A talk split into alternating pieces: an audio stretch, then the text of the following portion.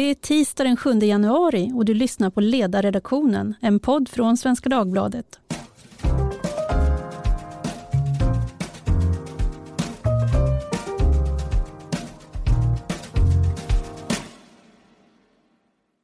Jag heter Tove Livendal och vill börja med att hälsa lyssnarna välkomna tillbaka efter vad jag hoppas har varit sköna jul och nyårshelger och önska god fortsättning. Men medan många av oss har villat ut och ätit onyttigheter har det skett dramatiska händelser i omvärlden. I Australien står världen bokstavligen i brand och i Iran eskalerar nu utvecklingen oroväckande snabbt. Idag mellan 11.30 och 13.30 svensk tid skulle det ha hållits begravning i Teheran för 62-årige generalen Qasem Soleimani som dödades i en amerikansk drönarattack i Irak i fredags. Vår gästskribent Daniel Schatz skriver idag på ledarsidan vilken roll Soleimani har spelat för Irans internationella operationer. Men begravningen har nu skjutits upp och det finns uppgifter om att eh, minst 35 personer, så många som 40 har också sagts, har dött när det har uppstått panik i folkmassorna inför begravningen. Irans utrikesminister Shawad Zarif tillkännagav i söndags ett nytt avsteg från kärnteknikavtalet för att öka pressen mot omvärlden samtidigt som Iraks parlament röstade igenom en resolution med krav på att amerikanska trupper lämnar landet. Så det är svårt att överskatta känsligheten i läget och ännu svårare att överblicka vad som ska hända och kanske också vad utvecklingen i världen får för konsekvenser för Sverige. Men trots det ska vi göra ett försök och eh, till hjälp för att lösa ut detta så har jag tre kvalificerade gäster. Med på telefon finns Rosbe Parsi, programchef vid Mellanöstern och Nordafrika-programmet vid Utrikespolitiska institutet.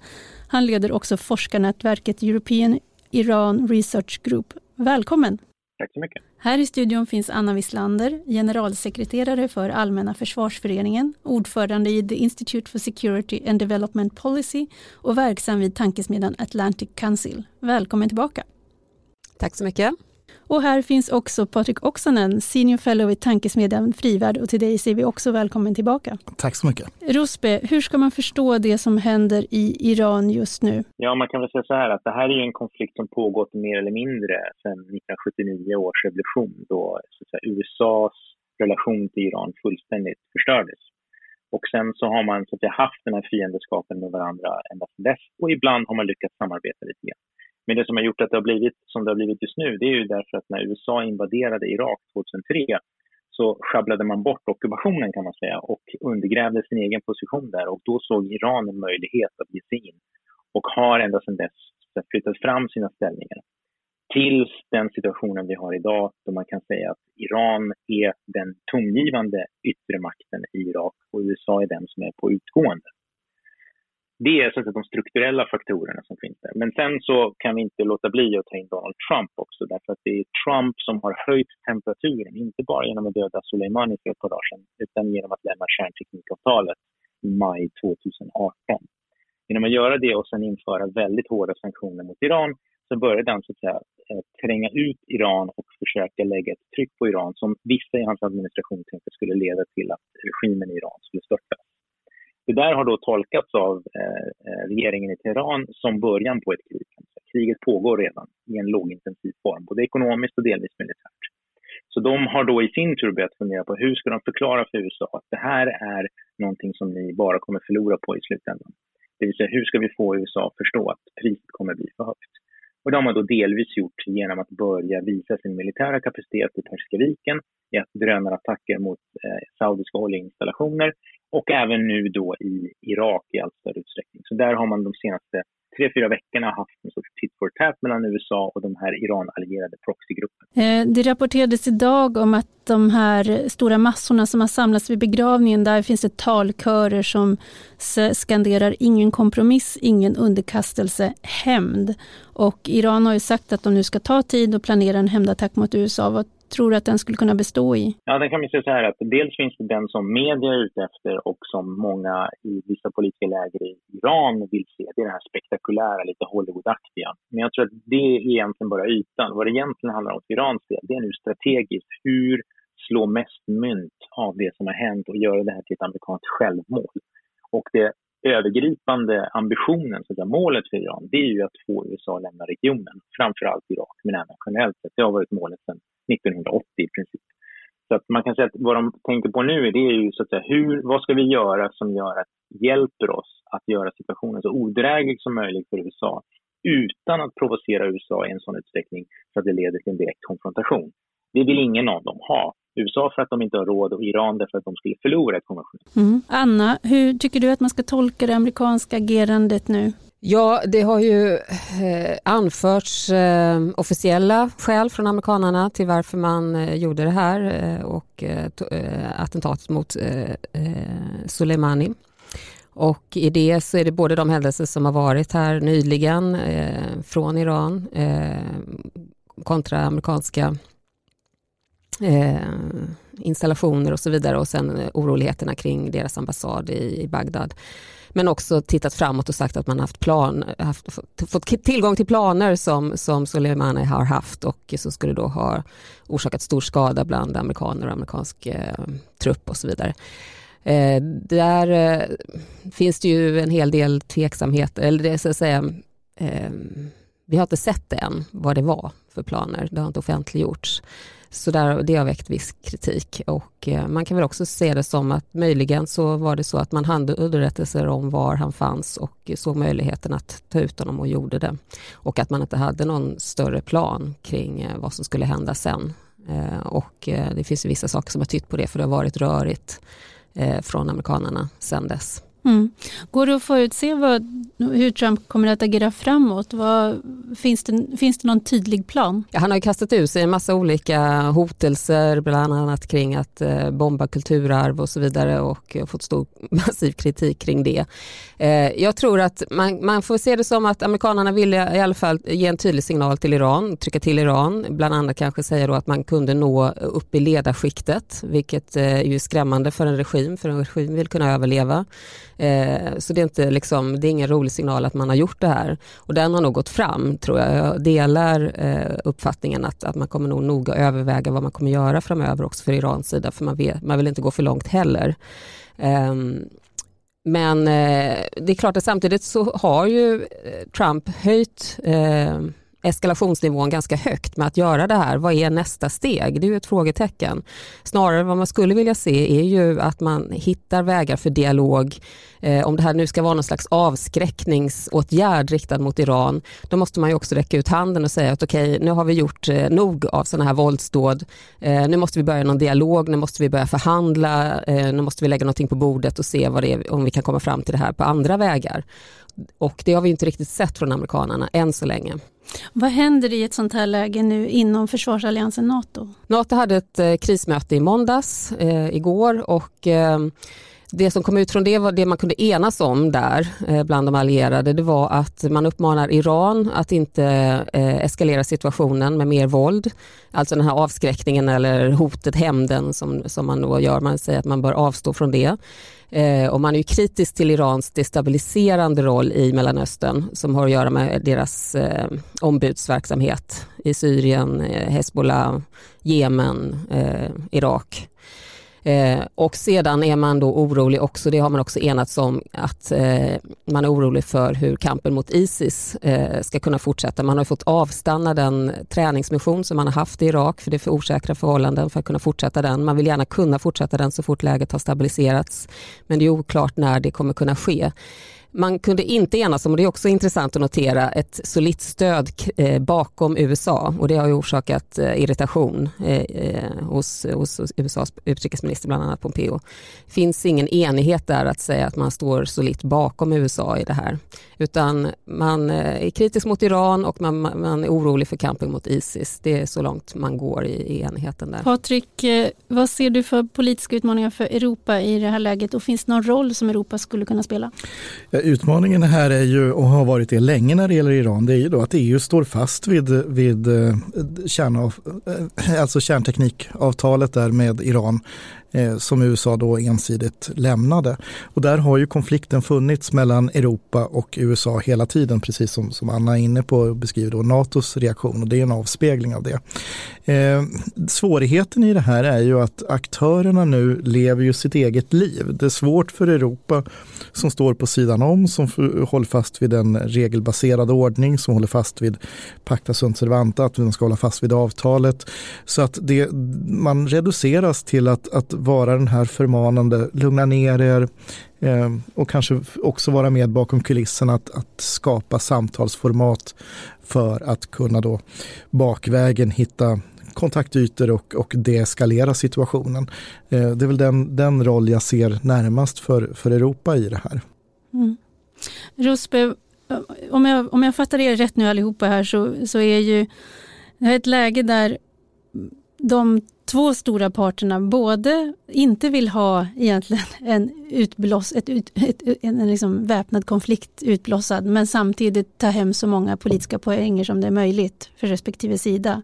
Finns det någon väg ut i det här där båda kan komma ut och säga att man på något sätt har räddat ansiktet? Rosberg, vad säger du?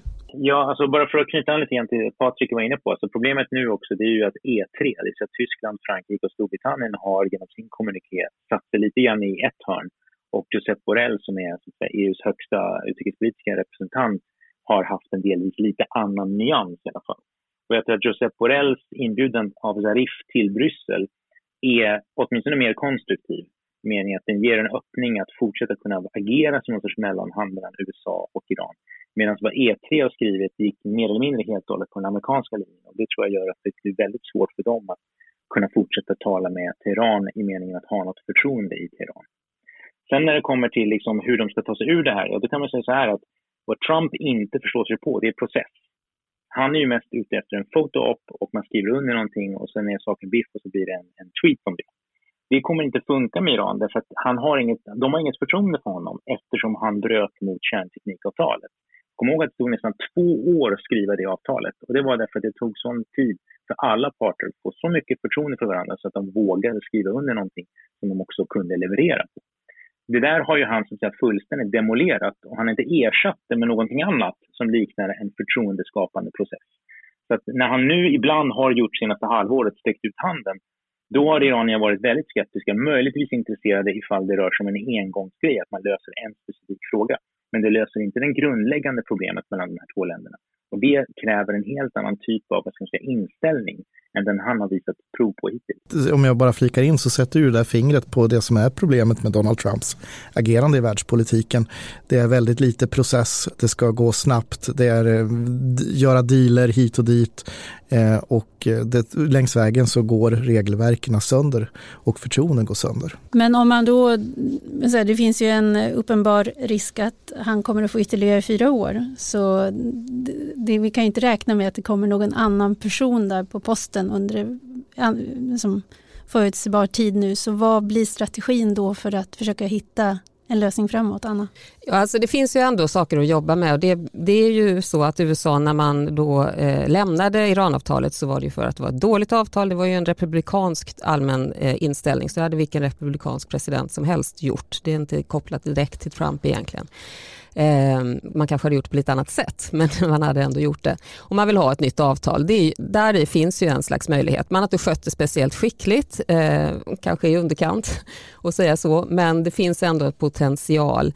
Eh, och man kan också säga att Sarif har ju då det är ju felaktigt att säga att de liksom helt har lämnat eh, Iranavtalet utan han har aktiverat, del, han, han eh, har aktiverat delar av eh, det avtalet som han anser att man kan göra Eh, då andra inte Eh, ger eh, tillräckligt tillbaka i det avtalet så har, finns det vissa klausuler som tillåter det som Iran nu tänker göra enligt hans tolkning av avtalet. Så att där i, det är lite detaljer, men man kan säga att summan av det är att Iran ger en öpp, viss öppning för förhandlingar och för dialog i detta och det är ju det som Borrell och EU har, har så att säga tagit tag i med rätta. Det är det som man måste jobba på allra mest tror jag, det spåret. För då kan man etablera den här plattformen för någon slags dialog och kommunikation med Iran. Jag tror att EU och Europa eh, har en speciell roll att spela där och att fortsätta försöka brygga över till Washington naturligtvis, trots välja förtreten så att säga och vem annars kommer att göra det? Eh, jag ser ingen annan och jag ser ändå någon slags vilja någonstans i Vita huset att få tillstånd, så att säga, en bättre deal. Exakt hur det ska gå till vet jag inte men jag, jag ser nästan ingen annan väg framåt än att man måste ju försöka med diplomatins hjälp att, att förhandla detta för annars har man ju total kaos framöver. Ja, men det, vi är i en farlig situation och vi ska också komma ihåg att här kan det ju finnas aktörer som inte är helt statsstyrda som har intresse av att eskalera den här situationen ytterligare. Jag tänker på terrordåd som, som eh, kanske aktörer som är mer eller mindre självständiga från den iranska regimen genomför. Eh, och eh, ja, alltså vi balanserar på en farlig punkt. Men det som är återhållande i den är ju just det att ingen av parterna vill ha ett öppet krig. Eh, samtidigt illustrerar det också den tid vi är inne i med alltså det vi kallar för i Sverige för gråzonsproblematik. Vi har alltså en, en krigföring som sker på annat sätt mellan olika makter eh, i typ av påverkan via proxys eh, och så vidare. och så vidare. Och det här är någonting som världen kommer att drabbas ännu mer av under 2020-talet. Så att uh, more to come. Rosberg, vad skulle du säga är viktigast att hålla ögonen på nu de närmaste dygnen i Iran? Ja, så jag tror att de kommer nog inte göra någonting om vi tänker i termer av militära aktioner så här på en gång. Utan vad det handlar om för dem nu är att försöka kapitalisera så mycket som det går på det här. Sen har det ju då lite grann att göra med hur omvärlden vill eller försöker att ta tag i den här krisen som Patrik och även Anna var inne på. Jag tror problemet för EUs del det är ju att de är inte, vi är inte tillräckligt autonoma på den nivån som behövs för att kunna agera mellan oss. Och det är ju framförallt handel det handlar om. Så anledningen till varför iranierna har gått hårt åt avtalet utan att lämna det, som Anna var inne på, de har använt sig av artikel 36 i avtalet. Det är ju därför att de anser att EU inte kan upprätthålla sina handelsförbindelser med Iran, vilket var moroten som fick Iran att skriva under avtalet. Och det kan inte vi i Europa, därför att hela vårt näringsliv sitter i det avseendet fast i USA. Det, säga, ah, det finns inget företag som är stort här, eller bank för den delen, som vågar handla med Iran även om det är legalt i Europa, därför de blir åtalade i USA. Så att i det avseendet så finns det strukturella begränsningar för vad EU själv kan göra på grund av hur EU är strukturerat själv. En, man, i, i, tidigare kanske man hade kunnat säga ja men det där händer någon annanstans men det här illustrerar väl just att vi hänger ihop på ett helt annat sätt i, till, liksom i tillvaron idag. Så vad får det som sker idag nu för betydelse för Sverige om vi ska rikta oss mot vårt eget land? På söndag så inleds Folk och Försvars eh, rikskonferens i Sälen och eh, det här ja, den kommer ju att öppnas mot fonden av detta. Patrik? Det är en påminnelse om den osäkra tid vi lever i. Att vi lever inte längre i en tid där, som är stabil utan där saker och ting kan hända. Det kan hända fort. Det råder eh, en, en, jag skulle kalla det här för den säkerhetspolitiskt eh, mest instabila tiden, eh, kanske sedan precis åren efter andra världskriget innan kalla kriget hade tagit form. Då med statskupperna i, i Polen och Tjeckoslovakien och så vidare. Eh, om vi ska hitta en, en parallelltid i historien och det gör ju att det här innebär stora risker. Och den här riskmedvetenheten den har ju fortfarande fem år efter invasionen i Krim, eller ja, vi kliver in på det sjätte året, ännu inte helt och hållet cementerats bland deltagarna uppe på Folk och Försvar i Sälen. Mm. Alltså, ja, det är ju så med världspolitiken att det är liksom bara att spänna fast säkerhetsbältet och förbereda sig för turbulens och den kommer liksom inte att gå över, den, den kommer och går hela tiden. Och eh, jag tyckte det var symptomatiskt, eh, jag tänkte på hösten, då pratade vi om Kina, Kina, Kina, Kina och kineser överallt och alla, det var det enda liksom som, som diskuterades på, på de säkerhetspolitiska konferenser som jag var med på och mycket i media och så vidare. Och nu plötsligt så har Mellanöstern blommat, Mellanöstern blommat upp igen och då är det ju samma problem som vi såg för några år sedan. Det är en ökad risk för terrorism och terroristattacker även här. Vi ser ju nu problemen, kommer man kunna hantera Isis? Kommer Isis kunna blomma upp igen? Eller andra grupperingar som Patrik var inne på eh, flyktingströmmar, eh, den, den, den typen av eh, saker som kan nå oss igen och som kan blossa upp när den här när liksom strukturer rämmar och, och, faller och osäkerhet skapas. Och sen har vi ju Ryssland igen. Vi ser hur oljepriset stiger vid sådana här konflikter. Det, det stärker eh, Ryssland eh, för de är helt beroende av, av starka oljepriser. Vi ser också hur omvärldens blickar riktas mot ett annat område Eh, det kan skapa ökad osäkerhet här uppe eller möjligheter eh, om man skulle vilja göra någonting här uppe för att eh, uppmärksamheten från, från världen är riktad någon annanstans. Det är ett farligare läge skulle jag vilja säga. Man måste också tänka på följdeffekterna av det. Det kan också öppna sig upp nya möjligheter för den ryska regimen att dyka upp som aktör. Det är ju Putin väldigt duktig på att ha taktiska möjligheter att etablera sig på något ställe eh, där det plötsligt uppstår ett vakuum då i, i, kraftfälten som nu danas om. Så att säga. Så att här kan hända, komma att hända väldigt mycket som också påverkar Sverige och den svenska eh, förmågan som vi bör ha framöver. Och då är det mest närliggande området att hålla ögonen på just nu, det är Vitryssland. Eh, där eh, den ryska pressen ökar, bland annat med hjälp av energivapnet, att man, man, man stryper eh, tillförsel av, av olja till Vitryssland för att få Vitryssland att kliva in ännu djupare i samarbetet med Ryssland. Där slutmålet får man väl kanske anta så småningom är att Vitryssland försvinner från kartan som, som egen suveränt land. Mm. Säkerhetspolitiskt så tror jag också det, vi kommer ju titta på Återigen klyftan mellan USA och Europa. Eh, vad, är det vi, vad är det som händer här? Vad har vi för dynamik? Vad, hur, hur samtalar vi med varandra? Vad kan vi nå för gemensamma vägar framåt? Eh, svårt i det här läget som vi är i just nu och vi har varit svårt tidigare. Vad kommer det innebära för framtiden? Eh, och sen är det också hur agerar EU, Europa, eh, som vi var inne på. Eh, nu har vi eh, van der Leyen ska leda en geopolitisk kommission. Den har ju varit väldigt sen med att svara i det här läget. Eh, det är andra delar av EU som varit ute, Borrell och Michel och uttalanden medan, medan den här kommissionen verkar mest kraftsamla inför sitt möte på onsdag. Eh, men vad ser vi här, vilket som, som vi har varit inne på, vilken roll kan EU spela? Kan man vara den här globala aktören? Vad, vad har man för muskler? Får man ihop musklerna med sin röst? Och, eh, och var hör Sverige hemma i detta? Mm. Och var hör Storbritannien hemma efter Brexit? Och på tal om muskler, 2019 eh, så inledde ju Peter Hultqvist konferensen i Sälen med att säga att han ville prata förmåga och inte pengar. Men det har ju visat sig att det är svårt att göra det förra trovärdigt om det senare inte finns. Vad tror ni att han kommer att fokusera på när han inleder konferensen nu på söndag? Han kommer nog att prata om, om historisk satsning som kommer att komma i försvarsbeslutet till våren och där finns ju då uppgörelsen i höstbudgeten om att nå 1,5 procent av BNP till 2025 att falla tillbaka på. Ehm, det är väl vad jag gissar på att han kommer att, att försöka spinna på. Tycker du att det är tillräckligt? Absolut inte. Anna? Nej, jag, jag, tror också det att han kommer att ha en, eh, eh så att säga, en ton där han dels eh, vill eh, lyfta fram de steg framåt som, han, som har tagits och sen också, nu ska man ju försöka under det här året inför försvars, nästa försvarsbeslut att sy ihop det här. Det är ändå ambitionen även för honom att ta det här steg för steg med den här arbetsgruppen då som initierades här i december med partierna. En bantad försvarsberedning eller vad man ska säga som ska försöka bringa ordning i det här med budgeten och så. Men det är klart att det, vi står inför det och det har vi gjort hela tiden med ett underskott i vad vi behöver och vad vi har för budget. Och eh, det går liksom inte att komma ifrån att, att försvarsberedningen i maj lämnade en rapport där man förklarar att Sverige kan inte föra krig. Vi har en försvarsmakt som är krigsoduglig.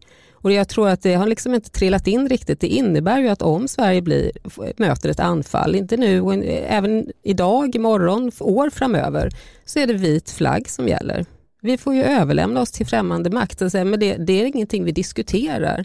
Och det är på något sätt det vi måste kunna bemöta på ett annat sätt tycker jag. En känsla av, eh, liksom av eh, att det är bråttom som aldrig riktigt trillar in. Det är det som förvånar mig mest. Jag håller med om bråttom aldrig riktigt trillar in. Däremot så, så vill jag polemisera lite grann mot vit flagg-retoriken. Det är klart att i, om, om Gud förbjude att elände händer så är det klart att vi kommer att göra vårt yttersta att hantera den situationen och att inte ge upp och visa vit flagg. Alla besked om att motstånd har upphört och så vidare. Så jag tycker att historien också har visat att det är väldigt viktigt att även små saker kan bidra till att förändra ett skeende på ett sätt som blir avgörande för framtiden. Och nu kanske jag blir väldigt anekdotisk och så går jag tillbaka till 9 april och så tänker jag på Oscarsborgs fästning eh, i Oslofjordens inlopp där man lyckades i alla fall ladda iväg eh, ett par skott och sänkte kryssaren Blücher vilket gjorde att den norska kungafamiljen kunde undkomma. De kunde ha valt att, att inte göra motstånd för att de hade inte fått order om att göra motstånd och sådär men de skickade iväg den där projektet projektilerna och det ledde till en utveckling som ändå i slutändan blev i det elände som 9 april 1940 var för Norge blev ju ändå positivt om du jämför med om kungafamiljen hade tagits i Oslo 9 april. Då hade du kanske haft en dansk erfarenhet eh, där. Det är en utläggning, men poängen som Anna kommer med här, den är ju helt central och det är ju att skyndsamheten finns inte i det politiska systemet. Dessutom så ska vi komma ihåg att försvarsberedningens nivåer, det är fortfarande inte uppe på vad jag skulle säga är grundläggande nivåer för ett nationellt försvar i fredstid. Eh, 2025 och försvarsberedningens rapport tar oss inte dit. Den är inte tillräcklig i sig. Och det håller vi på nu och tjabblar om, om vi ska få till pengarna till att ta oss till 2025 som inte är tillräckligt. Det tycker jag är en helt otillräcklig politisk debatt. Ja, jag måste också säga att jag, jag delar Patrik i att jag tror, jag tror vi, våra soldater kommer strida till sista man och det finns säkert en stark försvarsvilja bland svenska folket.